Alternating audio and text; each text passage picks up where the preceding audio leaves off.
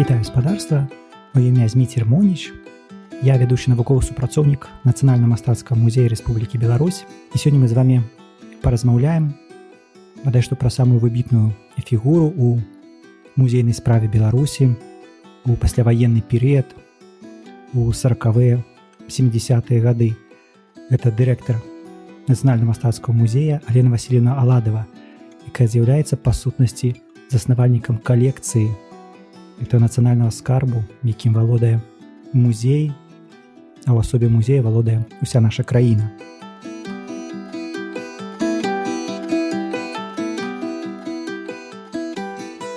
Алена Васильна Аладова нарадзілася 22 мая 1907 года у пружанах у сям'і Васіля Пука і Алены Карпызавай. Яе бацька быў прызначаны інспектарам парыцкага уезду бабруйскага округа дзе займаўся педагагічнай дзейнасцю. Менавіта там, у парычах под бабруйскам, Алена скончыла школу другой ступені, там яна пачала маляваць, спявала ў хоры, якім, дарэчы, кіраваў яе бацька. Там яна наведала таксама і драматычны гурток. У 1925 годзе памерла маці. Праз некалькі год бацька Васілі жаніўся на Браніславе Нарушевіч і пераехаў у жлобін, дзе працаваў ужо намеснікам загадчага чыгуначнай школы. Гнішакана у 1930 годзе ён быў арыштаваны, потым перавезены ў оршу і расстраляны па абвінавачванні ў контррэвалюцыйнай дзейнасці. Толькі пасля два з'езду КПСС бацька Алены Аладавай быў рэабілітаваны, але ўжо пасмяротна. Пасля смерці маці і расстрэлу бацькі клопат пра вялікую сям'ю лёг на плечы Алены Аладавай. Яна мела брата і двух сестёр і павінна была глядзець за імі. У сваёй прафесійнай дзейнасці Алена працягнула традыцыю бацькоў і таксама пайшла ў педагогіку. Яна была адной з першых студэнтак адкрытага ў 1921 годзе беларускага дзяржаўнага універсітэту. Вучылася яна на прыродазнаўчай гістарычным аддзяленні педагагічнага факультэта. І паралельна з вучобы працавала ў беларускім дзяржаўным музеі ў якасці ілюстратара. То бок ужо тады у гады студэнцтва пачынаецца яе станаўленне як музейнага супрацоўніка пачынаецца яе нараджаецца яе сувязь таксама з мастацтвам. У адной сваіх аўтабіяграфій яна пісала, што сістэматычна наведвала вячэрнюю працоўную выяўленчую студыю пры доме мастака па вуліцы інтэрнацыянальнай у мінску. Магчыма, з гэтага і пачалося знаёмства Глены з мастакамі і зацікаўленасць ужо выяўленчым мастацтвам. Алена спрабавала сябе ў якасці экскурсаводы кансультанта на першай усебеларускай мастацкай выставе творчых аб'яднанняў беларускіх мастакоў. Таксама спрабавала сябе і ў беларускай прэсе, дзе пад псеўданіму аглядач выходзілі невялікія агляды ў часопісе прамень. У 1928 годзе пасля заканчэння універсітэта Алена Пук пабралася шлюбам з мікалаем Аладавым, нашчадкам старога пецярбургскага шляхецкага роду трэба адзначыць што 1920 гады рэгістрацыі шлюбаў не надавалі увагі гэта лічылася буржуазным перажыткам. І шлюб яны афіцыйна зарэгістравалі толькі ў 1943 годзе ў саратаве калі былі ў эміграцыі падчас вайны. Але з першых дзён шлюбу з 1928 года алена пук называла сябе ўжо аленай аладавай. У сям'і мікалай і алена аладавых нарадзілася трое дзяцей вальмен ельмір і радаслава рэдкія імёны дзецям даваў бацька мікалай ладаў ён быў чалавекам энцыклапедычных ведаў незвычайным выдумаў каб усё было прыгожа і арыгінальна у сям'е ладавых нават сабака меў мянушку прэста уже з першых момантаў з першых дзён заснавання сучасна нацыянальна-мастацкага музея які тады мінаваўся як дзяржаўная карцінная галерея лёс музея быў злучаны з лёсам алены аладавай у 1937 годзе алена васильевна залічана была ў штат інстытута літаратуры і мастацтва акадэміі навук і стала навуковым супрацоўнікам групы па стварэнні першай беларускай карцінай галереі то бок яна фактычна стаяла каля вытокаў стварэння музея які адкрыўся толькі ў 1939 годзе дырэктарам быў прызначаны мастак кераміст мікалай михалап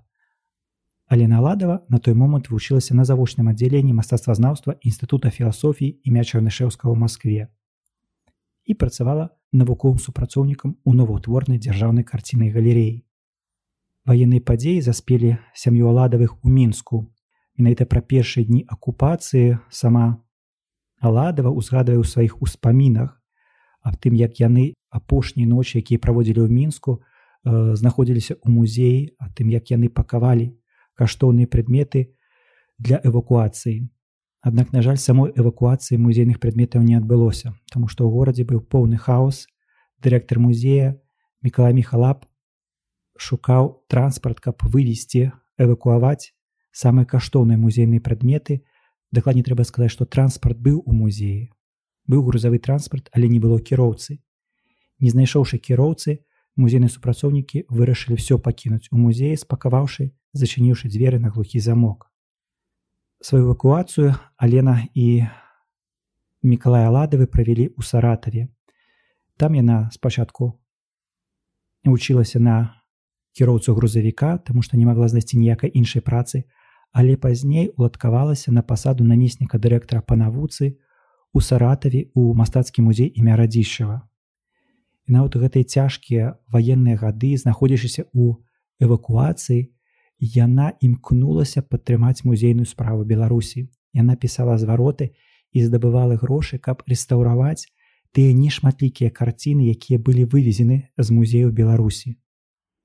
Як толькі вызваляецца Беларусь алена ладова вяртаецца ў мінск і прызначаецца дырэктарам дзяржаўнай карцінай галереі трэба сказаць што на сённяшні дзень э, вельмі шмат пытанняў адносна чаму менавіта алена ладова якая да вайны была просто навуковым супрацоўнікам была прызначана дырэктарам чаму не папярэдні дырэктар першы дырэктар мікала михалап існуе вельмі шмат меркаванняў існуе нават э, шмат розных гіпотэзаў але трэба адзначыць што алена ладова на сваёй пасадзе як дырэктар музея з 1944 по 1977 год за 33 гады яна утварыла калекцыю музея сабрала той скарб якім сёння ганарацца не толькі супрацоўнікі музеі а якім ганарыцца ўся наша краіна. На жаль з даваеннай калекцыі амаль нічога не захавалася. Все было вывезена і ў будынку музея які на той момант месціўся на вуліцы карла маркса засталося толькі некалькі скульптур якія былі вялікія і грувасткі іх просто фізічна не маглі вынесці з памяшкання альбо просто не пажадалі у музей вяртаюцца супрацоўнікі і складаюць першы дакладны такі вопіс э, прадмету якія знаходзіліся ў калекцыі музея да вайны. Вся калекцыя была ацэнена 8 з паловы мільёнаў рублёў. Спадзявацца на тое што калекцыя музея экспанаты будуць вернуты ў хуткім часе і ў поўным аб'ёме было наіўна. І алена ладова як дырэктар дзейнічала рашуча імкліва. Яна прымае важныя рашэнні фактычна робіць стратэгічны крок яна заручаецца падтрымкай прафесіяналу мастацтвазнаўцаў. Яна падпісвае як дырэктар музея, ад імя музея падпісвае дамовы з прафесіяналамі, якія будуць дапамагаць шукаць карціны, скульптуры, графіку э, для закупкі ў музеі. Яна заручаецца падтрымкай спецыялістаў у Маскве і беларускіх спецыялістаў.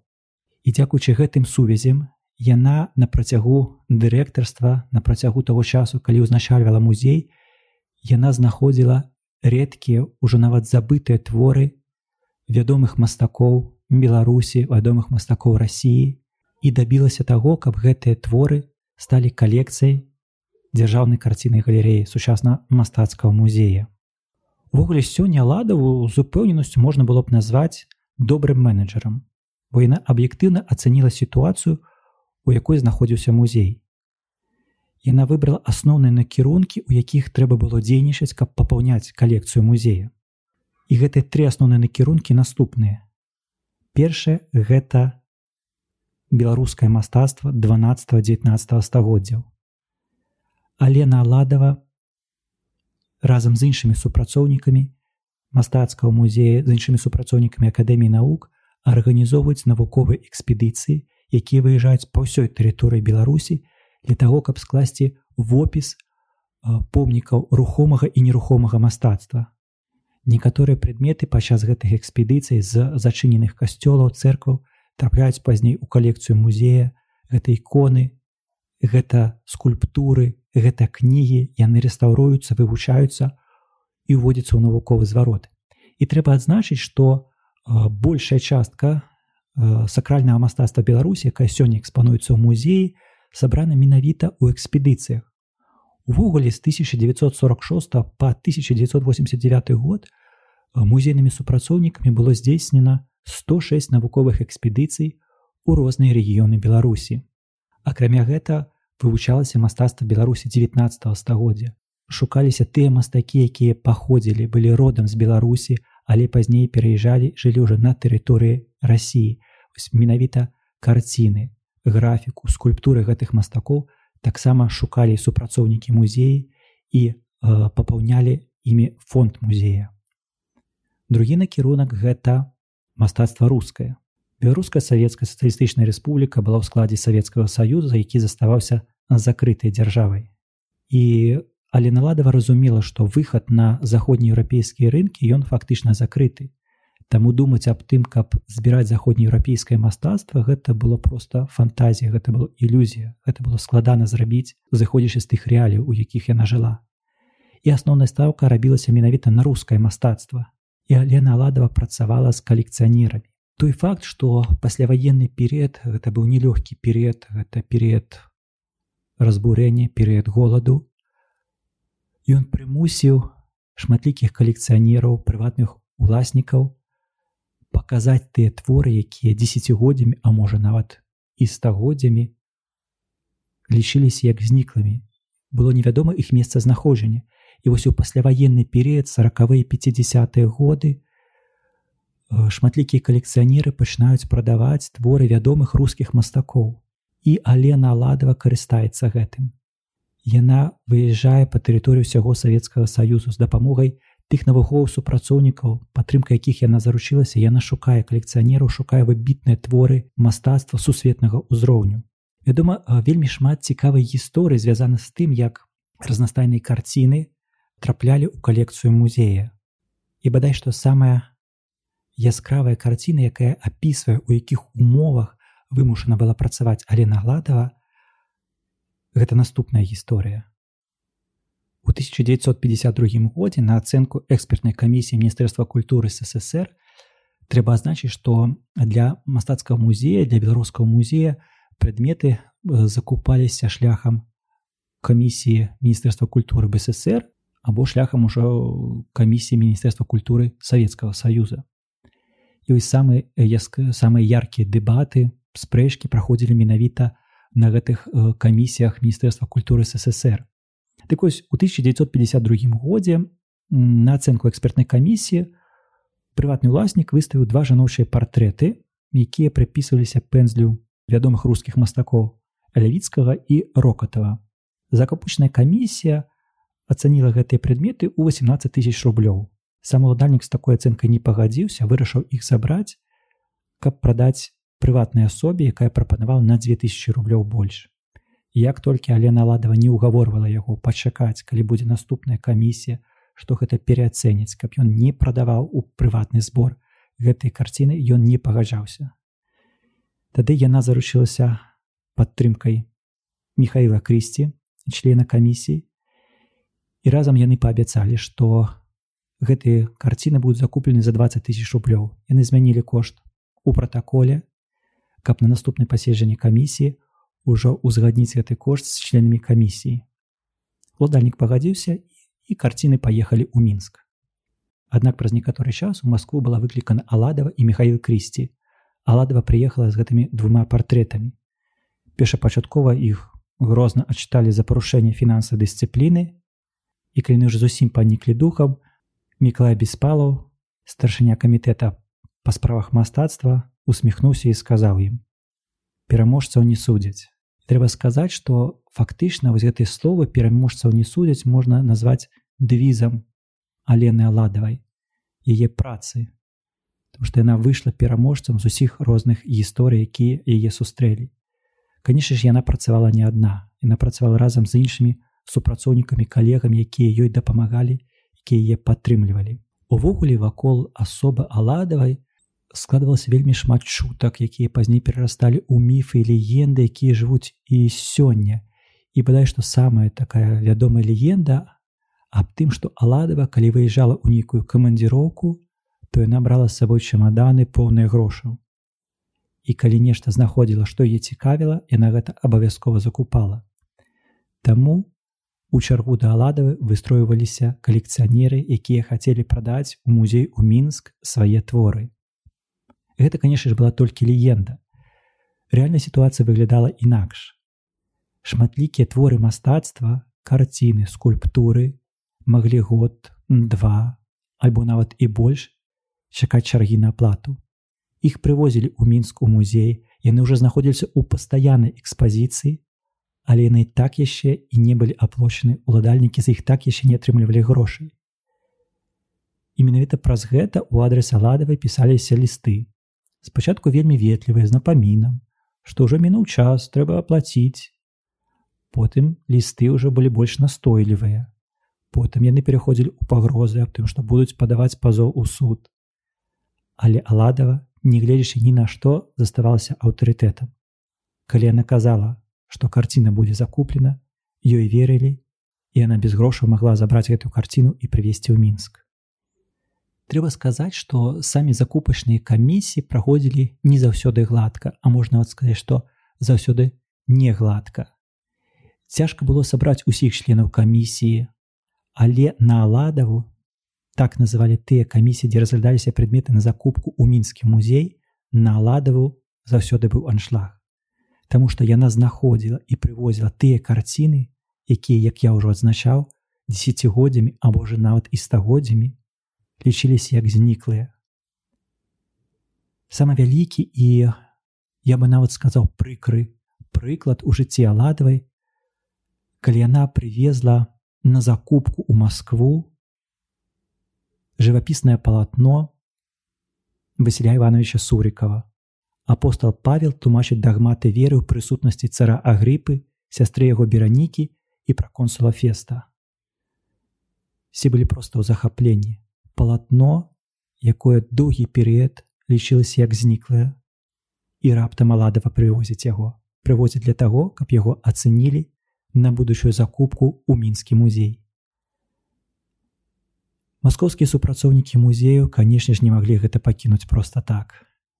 Пачалася цэлая эпапея, доўгія э, размовы настойвання аб тым, што гэты твор шэдэварускага мастацтва ён павінен знаходзіцца ў Маскве.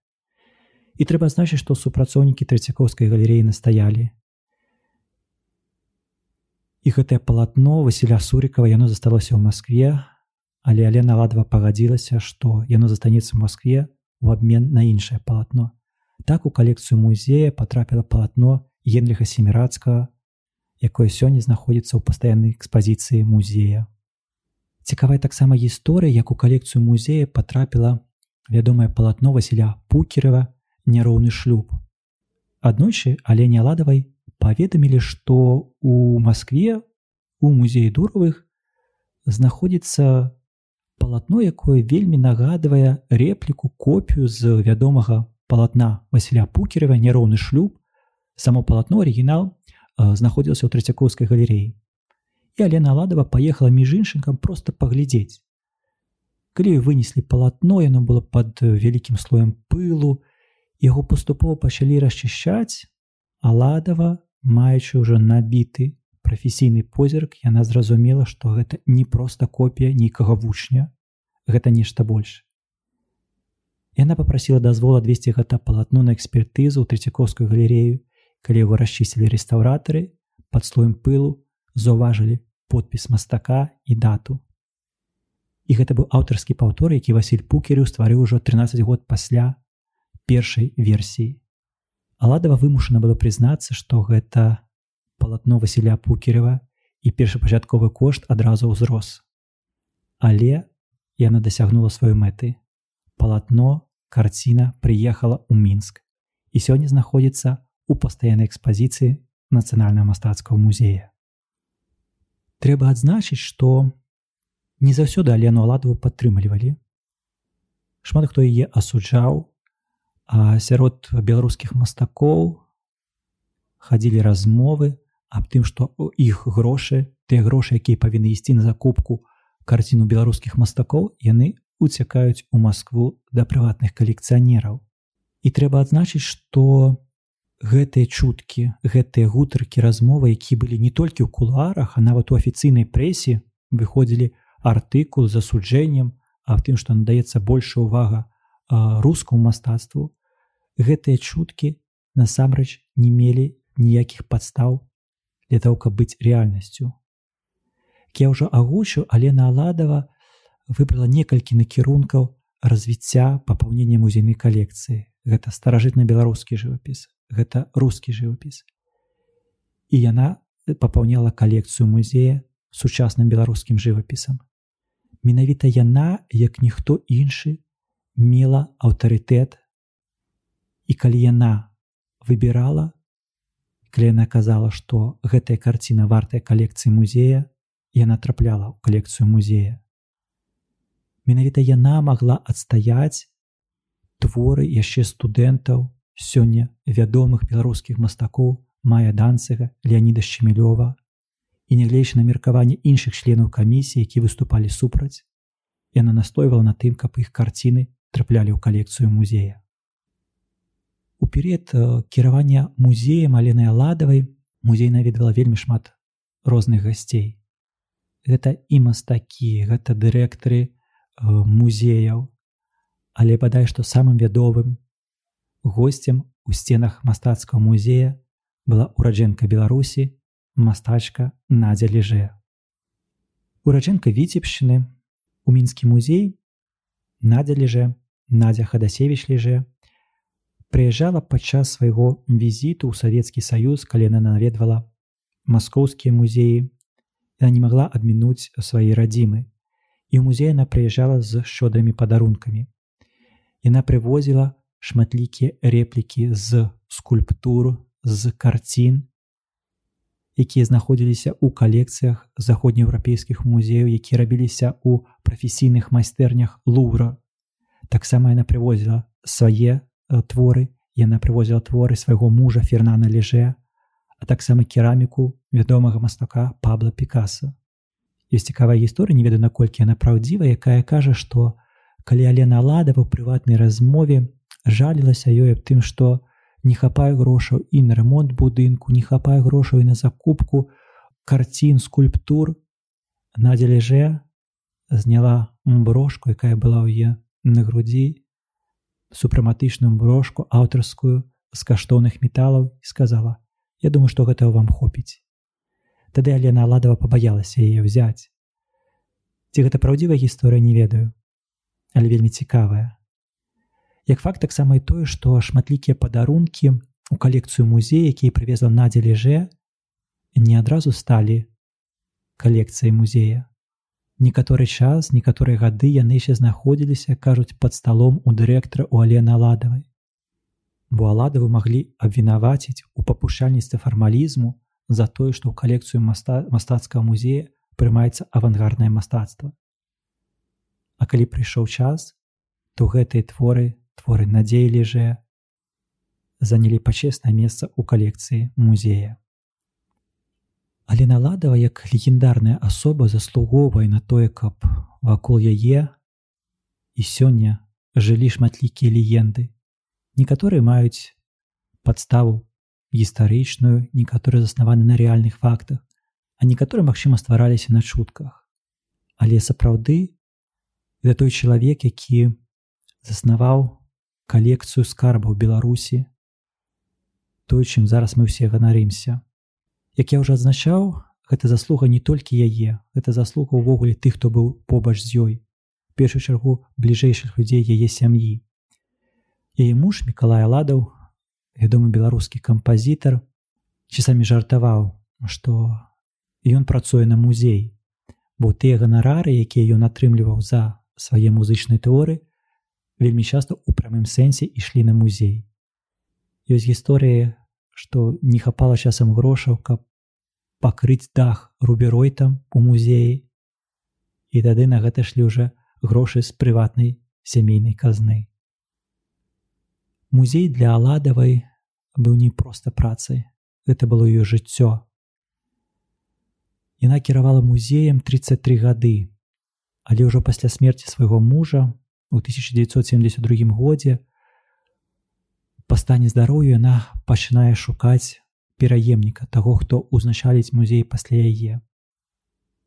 Яна знайшла такого чалавека, ім стаў Юрый Карачун. Пасля зыходу на пенсію Алена Аладова продолжала жыць у музеі, можна сказать у прямым сэнсе. Яна прыходзіла ў музей, яна сидзела каля прыёмнай дырэктара, яна давала кансультацыі. Фактычна да апошніх дзён яна заставалася ў сваім доме у музеі. Памерла Алена Аладова 29 мая 1986 года. Была пахавана побач са сваім мужам мікалаевым аладавым на ўсходніх могілках у мінску. Помнікам для аладавай сёння з'яўляецца ў першую чаргу музей. Той музей, які яна заснавала. Але напамінам пра сям'ю аладавых пра алену і мікалая сёння з'яўляецца таксама і вуліца ў мінску, вуліца аладавых, якая знаходзіцца ў мікраёне дамброўка. Дзякую вам за ўвагу. Да пабачэння.